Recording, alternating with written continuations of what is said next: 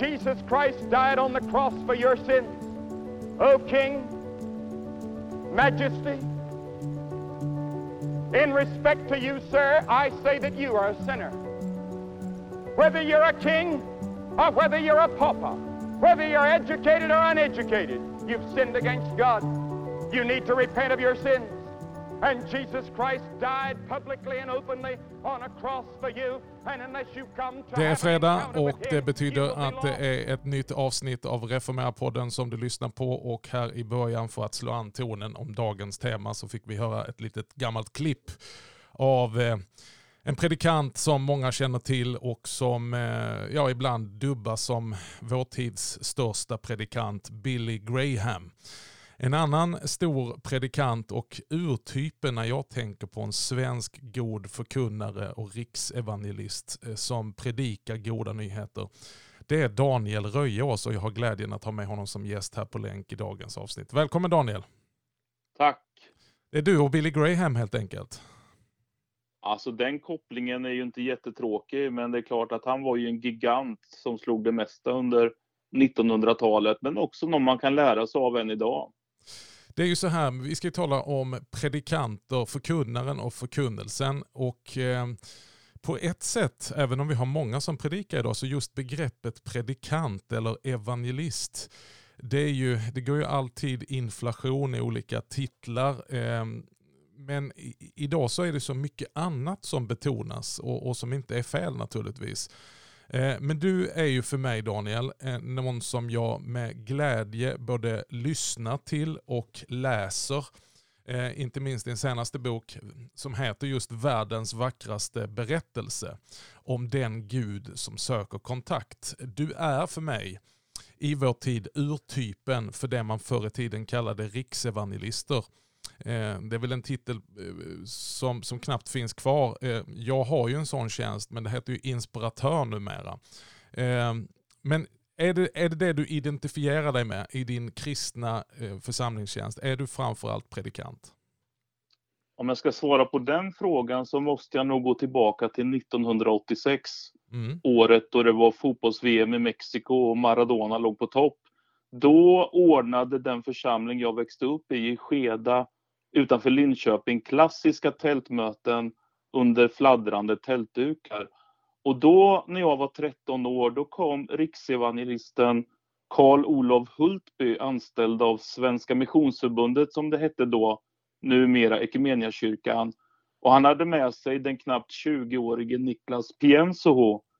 Och de predikade så att jag och mina kompisar snurrade med cyklarna runt tältet och väntade varje kväll i tre veckor på att mötet skulle börja. Och utan att jag hade någon teologi för vad en förkunnare är, så hände någonting när de förkunnade folkligt, enkelt, tydligt och med integritet om Jesus. På något sätt förstod jag att Jesus hade med mitt liv att göra och jag och mina kompisar var faktiskt i bönetältet i anslutning till det stora tältet och böjde knä, bad frälsningsbön och tog emot Jesus i våra liv. Och ända sedan den där sommaren så har jag identifierat mig med den där typen av folktalare som förkunnar goda nyheter, evangelium, enkelt och rakt så att människor känner att det här angår mig.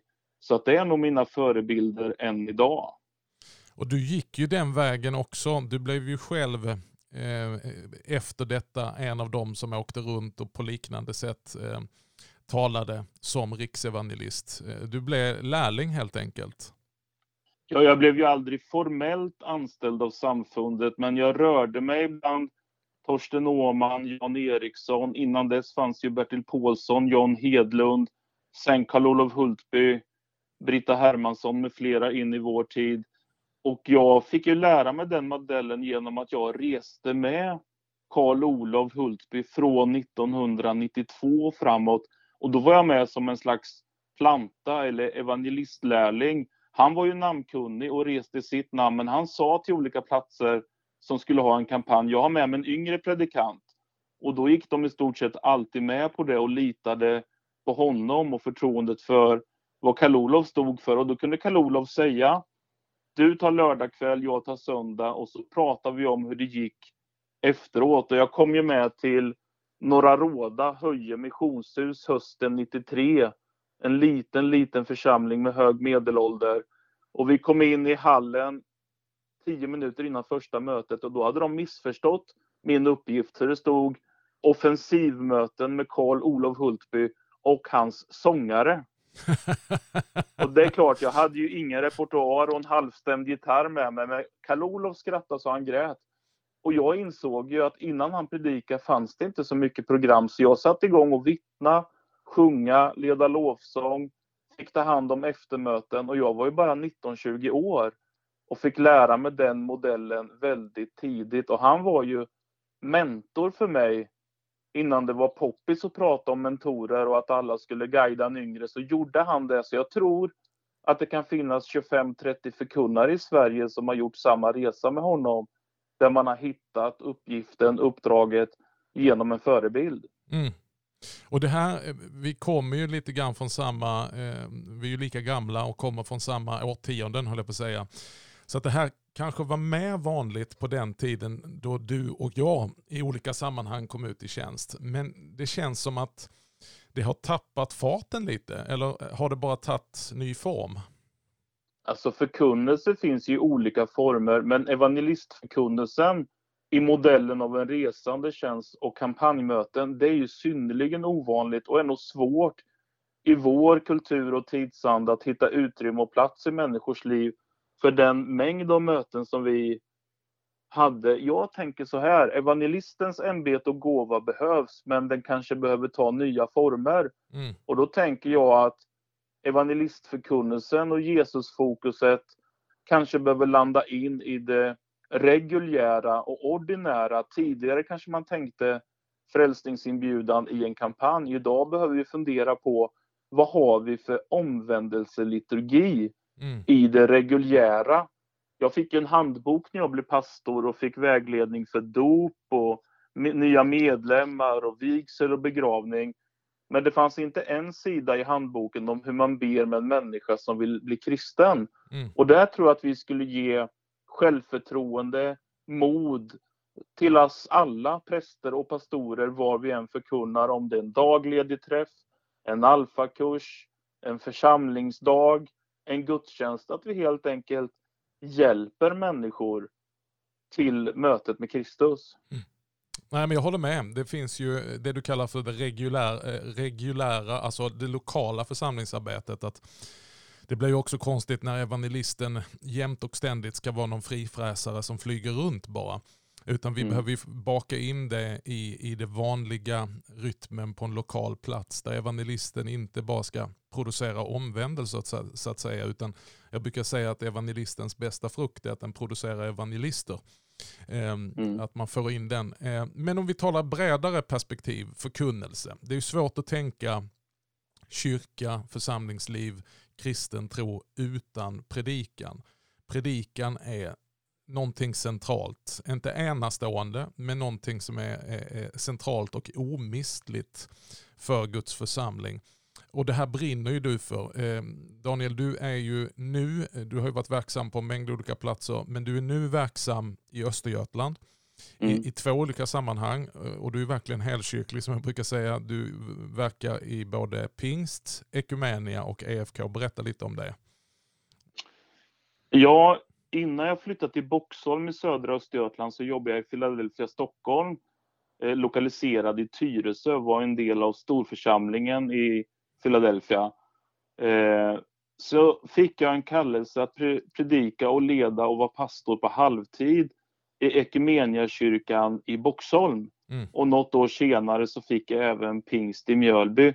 Så jag lever i dubbelkommando med gudstjänst på förmiddagen i Boxholm 10.30 och på eftermiddagen klockan 16 i Mjölby pingst. Och det är helt enkelt så att det passar de här två församlingarna att dela på mig då man inte är i kraft och storlek och ekonomi för en egen pastor på heltid. Men det där betyder att jag får koncentrera mig helt och hållet på ledarskap, förkunnelse och gudstjänstutveckling och är i stort sett befriad från administrativa uppgifter. Så jag har en väldigt bra roll och i och med att jag reste med Karl-Olof Hultby så mycket som ung så fick jag ju lära mig att varje möte är en målchans. Mm. Så jag har aldrig varit så bekymrad över att predika två gånger på söndagar i Mjölby och Boxholm. Och det är ju helt enkelt så att eh, varje gång jag får chans att predika så får jag dela Guds ord. Och jag tycker det är fint att få fler möjligheter. Jag kunde ju ha förr i tiden sju, åtta gudstjänster på en helg. Så, så här ser det ut just nu när jag leder Mjölby och Boxholm. Och så är det roligt att få uppleva bredden. Jag är uppvuxen i Svenska Missionsförbundet, numera Equmeniakyrkan, och har nu kopplingar till tre samfund. Och det är den här helkyrkligheten och samförståndet av att vi blir bättre tillsammans som jag får leva mitt i hela tiden. Ja, det är vackert. Men du, om vi då talar om eh, predikanten och predikan. Det här brinner ju du för. Du är en duktig kommunikatör. Som jag nämnde så skriver du böcker. Den senaste heter ju då Världens vackraste berättelse. Och bara rubriken avslöjar ju dig att du har ett ärende som du gärna vill förkunna, förkunna evangelium. Eh, men du är också engagerad, du och eh, en kollega till dig, Fredrik Lignell, som är eh, pastor och predikant i Ryttargårdskyrkan i Linköping. Det är kanske fler bakom det också, men ni har tagit ett initiativ sedan några år tillbaka att samla förkunnare till förkunnardagar. Eh, berätta lite historien bakom det innan vi går in på själva liksom formatet och innehållet. Men, men hur väcktes denna tanke och denna nöd eller vad det var för just predikanter och förkunnare? Ja, Fredrik Lignell då som är pastor i Ryttargårdskyrkan och jag, vi är ju goda vänner. Och vi delar ju den här kallelsen och längtan att förkunna evangelium, som ju är både en glädje och en vånda i vår tid, att hitta ord och hitta språk och hitta fram. Och då satt vi på ett café som vi brukar göra och så kom vi fram till att vi predikar ju ruskigt ofta. Det är söndagar med olika, ibland kanske man gästar en ungdomssamling, det är församlingsdagar, bibelstudium, dagledigträffar, det är undervisning och förkunnelse på en mängd olika sätt. Men så konstaterar vi att homiletik eller förkunnelse eller predikans hantverk kanske inte alltid är tydligt prioriterat på konferenser för pastorer. Och vi såg ett behov av att få fördjupa oss i förkunnargärningen åtminstone någon gång om året. Så vi tog ett initiativ. Vi ringde Thomas Sjödin och Britta Hermansson och de sa ja, vilket gav oss en flygande start mm. 2018. Så vi hade en förkunnardag. Vi hade gäster som Mikael Hallenius och Åsa Molin och förutom Thomas och Britta. Och det där slog så bra ut och samlade över 200 förkunnare redan första gången. Så vi fick blodad tand och har sedan fortsatt så med uppehåll för ett pandemiår så kör vi nu igen den 8 mars i Ryttargårdskyrkan Förkunnaren och Förkunnelsen. Mm. För femte gången då. Och eh, vi ser att det möter ett stort behov. Och vi ser att det finns olika pastorer och predikanter och teologer från olika samfund som kan berika och spegla det här ärendet så att det blir kreativt, konstruktivt kring både förkunnelsens innehåll men också vad det är att vara förkunnare. Härligt. Det, det, det låter lite helkyrkligt där man kan ösa ur olika traditioner och istället för att tänka att vi konkurrerar så kan man komplettera med olika infallsvinklar med det vi har gemensamt, nämligen att stå i, i förkunnelsetjänst. Men varför är det så viktigt då? Varför är det viktigt att förkunnare eh, regelbundet som redan är i tjänst får komma till sådana här fortbildningsdagar, att bli uppmuntrade för nya verktyg. Varför är det viktigt? Ja, ibland säger ju folk att predikan har haft sin tid, att det finns en otrötthet i samhället. Och det är klart att vi lever i ett massivt pådrag med media och budskap och stand-up comedians som söker vår uppmärksamhet. Men jag tror att det inte egentligen är en otrötthet. Till slut tröttnar folk på ord utan mening. Mm. Och en föreläsare som har substans, som berör och angår livet på riktigt, tror jag har framtiden för sig. Och då behöver vi mötas och jobba med, om nu evangeliet är givet, med vilka ord, med vilket språk förkunnar vi det idag så att det blir relevant? Hur hittar vi mod och frimodighet att tala evangelium när det kanske inte alltid ser ut som att förkunnelsen om en korsfäst Kristus går hem. Mm. Och då behöver vi be om helig ande, men vi behöver också jobba konstruktivt med ord och homiletik för att bli bättre. Jag läste för 25 år sedan en annons i Småland när jag var och predikade på ett ställe. Då var det sådana här predikoturer efter, inför söndagens gudstjänst och då stod det inför en konferens Kom och hör fyra säkra kort. Och så var det foton på leende predikanter. Och på en stod det Kom och hör en förkunnare med bulldoserkraft. Och vi kanske tar i ibland för att locka människor, men jag tror inte vi alltid känner oss så kaxiga. Det är en glädje men också en vånda att förkunna, stå upp söndag efter söndag och säga sig ha ett ord ifrån Gud. Då behöver vi hjälpas åt. Då behöver vi stärka varandra. Då behöver vi stå tillsammans. Då behöver vi ge varandra tips för att jobba med förberedelse av förkunnelse, formulering av förkunnelse och få feedback på hur vi agerar och beter oss när vi ska lyfta fram världens viktigaste budskap. Ja, ja det, är, det är så bra sagt. Men, men, men om, om vi tar tag i er eh, dag här nu då i mars. Vad jag tycker om det är det här att det, titeln är Förkunnaren och förkunnelsen. Ibland tenderar vi ju till att det bara blir tips och tricks från coachen och vi lite enökt, lite ensidigt tittar bara på förkunnelsen. Jag menar att vi behöver göra det också. Men om vi tar de två orden. Eh, vad behöver, innan vi går in på förkunnelsen så, så är vi ju språkröret som står i ständig tjänst, förkunnaren. Vad, vad är en bra förkunnare? Om du nu bortser från förkunnelsebiten lite grann. Vad behöver ske eh, kontinuerligt med oss som står i förkunnelse? Alltså hur jobbar man med förkunnare? Ibland så är det ju som det här gamla citatet som någon har sagt att vi söker alltid efter bättre metoder. Men Gud jobbar med att göra bättre människor. Alltså innan vi kommer till metoden och budskapet så behöver vi jobba med oss själva också. Vad behöver en förkunnare jobba med? När jag växte in i förkunnarrollen om jag då får lyfta fram Karl-Olof Hultby som fortfarande är min stora förebild och mentor. Dels var ju den här anspråkslösheten, eh, ödmjukheten. Du tar lördagen så tar jag söndagen. Mm. Han bjöd på sin egen plattform. Han vakade inte över sitt namn. Han var mer mån om att evangeliet skulle nå ut och att nya evangelister kom till än att allt ljus skulle vara på honom. Och han hade också karaktär. Vi kunde sitta i gästlägenheten för förkunnare med frukostmaten vi fick hämta på ICA på församlingens bekostnad och så karvade han ut det sista i leverpastejen och sa vi köper ingen mer. Det får vara bra så, det här är missionsmedel. Mm. Och jag tror att vi har glömt ibland karaktären, mm. hur man sköter sig själv, sin självdisciplin, hur man vakar över sitt eget bekräftelsebehov, att man inte blir sugen på att få strålkastaren på sig själv. Och så tänker jag på en sak som han sa i ett av de första mötena när jag var med honom. Då var det dags för eftermöte och inbjudan till förbön. Och då sa han, du som har ett behov, vad det än gäller, är välkommen så ska vi be för dig i Jesu namn.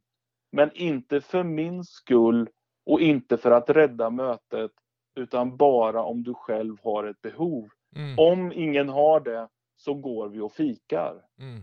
Så det var högoktanigt, andligt, karismatik, men det var mänskligt och avslappnat och vi kan lika gärna gå och fika om det inte var någon som hade något mer nu. Och där menar jag att vi som förkunnare, vi behöver inte bara vara måna om vad vi har för kläder på oss och hur vi framställer oss själva.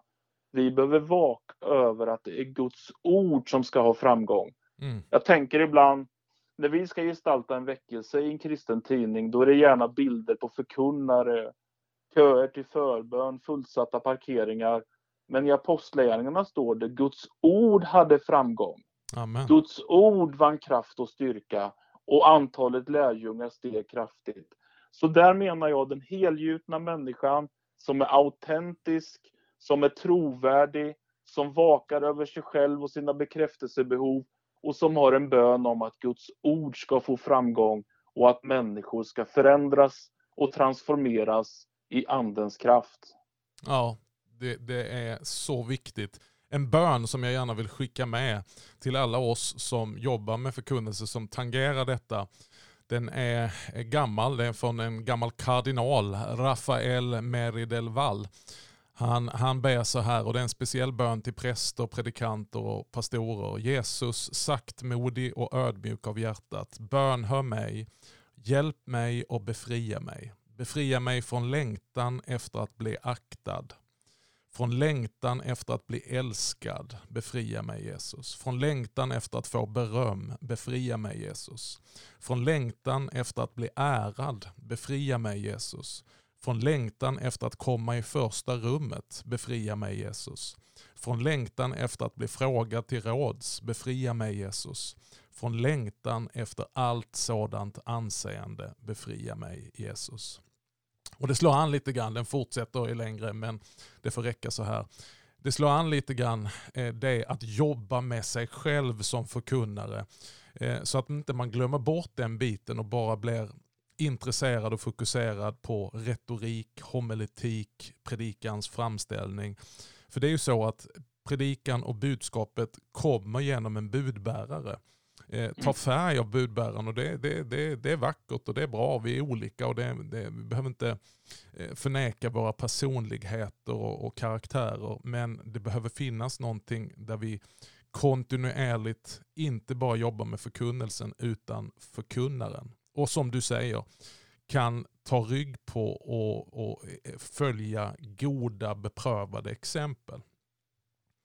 Vem, du har nämnt Karl-Olof Hultby. Skulle du nämna någon annan som du menar är en, en god förebild att ta rygg på när det gäller förkunnare? Jag har alltid fortsatt sett upp till Niklas Pienso som är pastor i Philadelphia, Stockholm. Vi har ju jobbat ihop, han har varit min chef men han har den här pedagogiska evangelisten som kan både vara församlingspastor och herde men ständigt formulera sig evangelistiskt i sin förkunnelse. Mm. Sen tänker jag ofta på Torsten Åman som inte längre lever, som var en stor förebild för mig. Han hade också skrivandet som evangelist, precis som Niklas då i böcker och artiklar. Och, och det där tror jag är en viktig del av förkunnaruppdraget. Många skriver ju det kan vara allt ifrån församlingsbrev till församlingsnytt, men att man också formulerar sig på olika sätt. Sen såg jag mycket upp till Hans Johansson, eh, mm. som inte heller lever längre. Vi samarbetade i Ryttargårdskyrkan när jag var pastor där. Han var en oerhörd bibellärare med ett enormt teologiskt tryck. Sen vill jag lyfta upp Åsa Molin, lärare på Örebro teologiska högskola, ALT. Hon är en väldigt skicklig narrativ förkunnare. Om vi ska nämna några fler så Karin Dernulf som nu är ny föreståndare i Immanuelskyrkan i Stockholm och sen givetvis min gode vän Fredrik Lignell, pastor mm. i Ryttargårdskyrkan. Jag skulle kunna fortsätta länge, men det finns många att ta rygg på mm. och många som är väldigt goda förebilder. Jag fick ju möjligheten för ganska länge sedan att möta John Hedlund och Bertil Paulsson. Det kanske inte så många som minns dem idag. Men de var ju generationen före Karl-Olof Hultby och Torsten Åhman i Missionsförbundets evangelistkår med kampanjer och förkunnelse. Mm. Men jag menar att det finns mycket att lära genom att läsa. Det kan vara biografier om förkunnare, det kan vara homiletikböcker, men det kan också vara populärdogmatiskt där olika förkunnare formulerar tro. Just det. Men om vi tar steget över då, alltså från att hantera sig själv, arbeta med sig själv. När det då kommer till arbeta med själva det som är vårt ärende, förkunnelsen. Vad är det viktigaste som ni önskar förmedla på den här dagen till förkunnare och om förkunnelse? Eh, vad behöver vi lyfta upp för att lyfta predikans roll till den nivå det, det, det, det behöver ligga på? Vad är de bästa eh, in, inputen och eh, verktyg, eh, influenser som, som ni skulle vilja, eller som du önskar skulle gå ut från den här dagen vad det gäller förkunnelsen? När det gäller själva förkunnelsen så dels kommer ju Ellen Hemström, pastor i Philadelphia Örebro.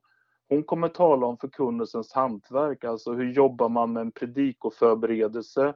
Hur jobbar man med en predikoserie? Hur ser man till att det finns en balans i den kost som församlingen får genom förkunnelsen? Och där är det klart, vi kommer från olika traditioner. En del predikar tematiskt, en del har olika textpredikningar, följer bibelböcker och ganska många predikar ju kyrkåret. Mm. Men oavsett vilken tradition man står i så tror jag vi behöver knyta ihop förkunnelsen så att den angår, tilltalar och går att tillämpa. Jag kommer ha en undervisning på ämnet att låta Jesus vara centrum i förkunnelsen. Och då tänker jag på Emmausvandrarna som fick höra Jesus efter korsdöden. Så lägger han ut från lagen och profeterna allt som står om honom i skriften. Mm. Hur Jesus ändå blir centrum i evangelisk förkunnelse. Jag var med om som barn att titta på diabilder i oktober varje år när min pappa hade framkallat bilderna från sommarens semester. Mm. Och då var det nästan alltid blommor i närbild och fornminnen. Mm. Och där satt vi dopade med popcorn och stark saft.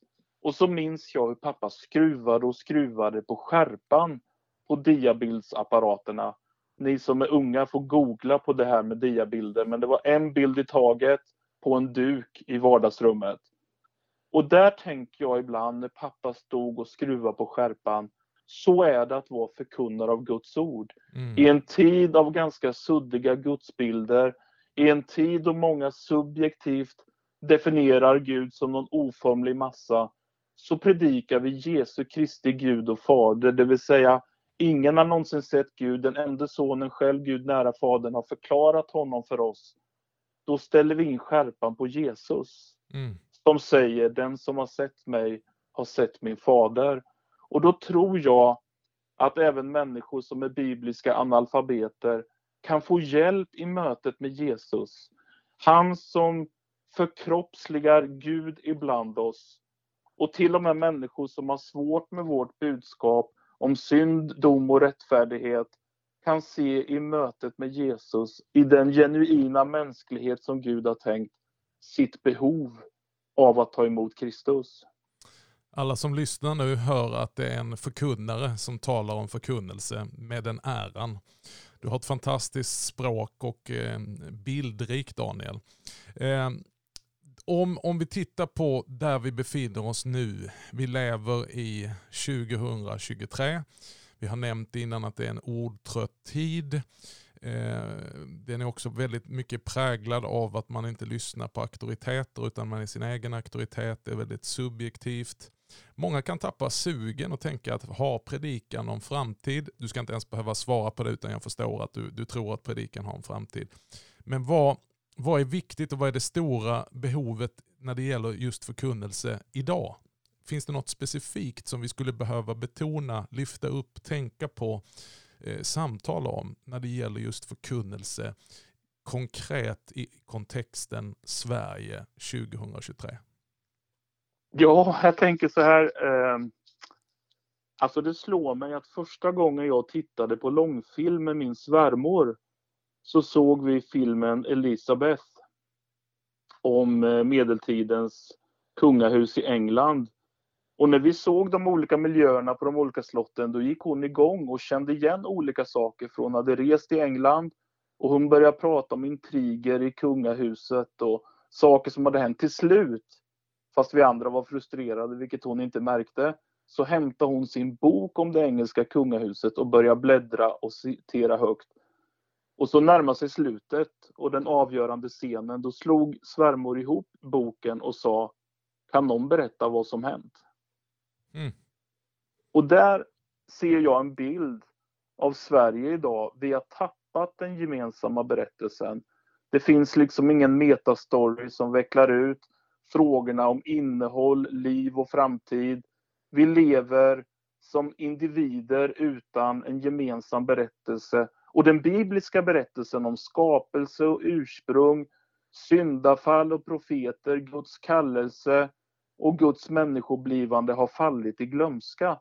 Jag tror att en förkunnare behöver vara en god berättare och återberätta den stora berättelsen om Gud och hans folk Så att folk inte när de ser Jesu kors frågar Oj, vad allvarligt det verkar. Vad är det som har hänt? Mm.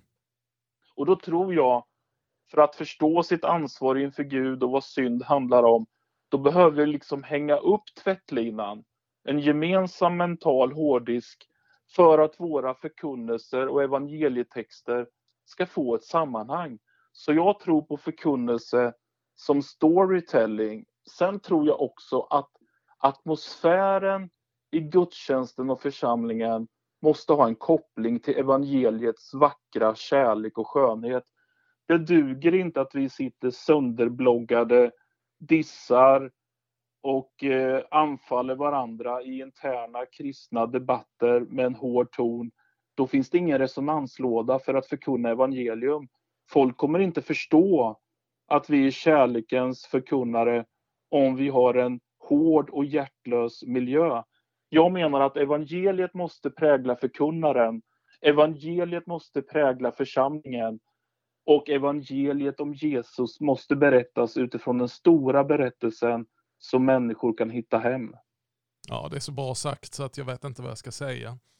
Du Daniel, när vi kommer in för landning här, det, det, känns ju som att vi skulle kunna göra många program om det här, vi får återkomma. Men jag är ju upptagen av helkyrklighet och att ta till oss rikedomen från hela kyrkans tradition, historia och bredd, längd, höjd och djup. Vad kan vi enligt dig lära av varandra? Nu har du nämnt flera stycken exempel ifrån frikyrkan.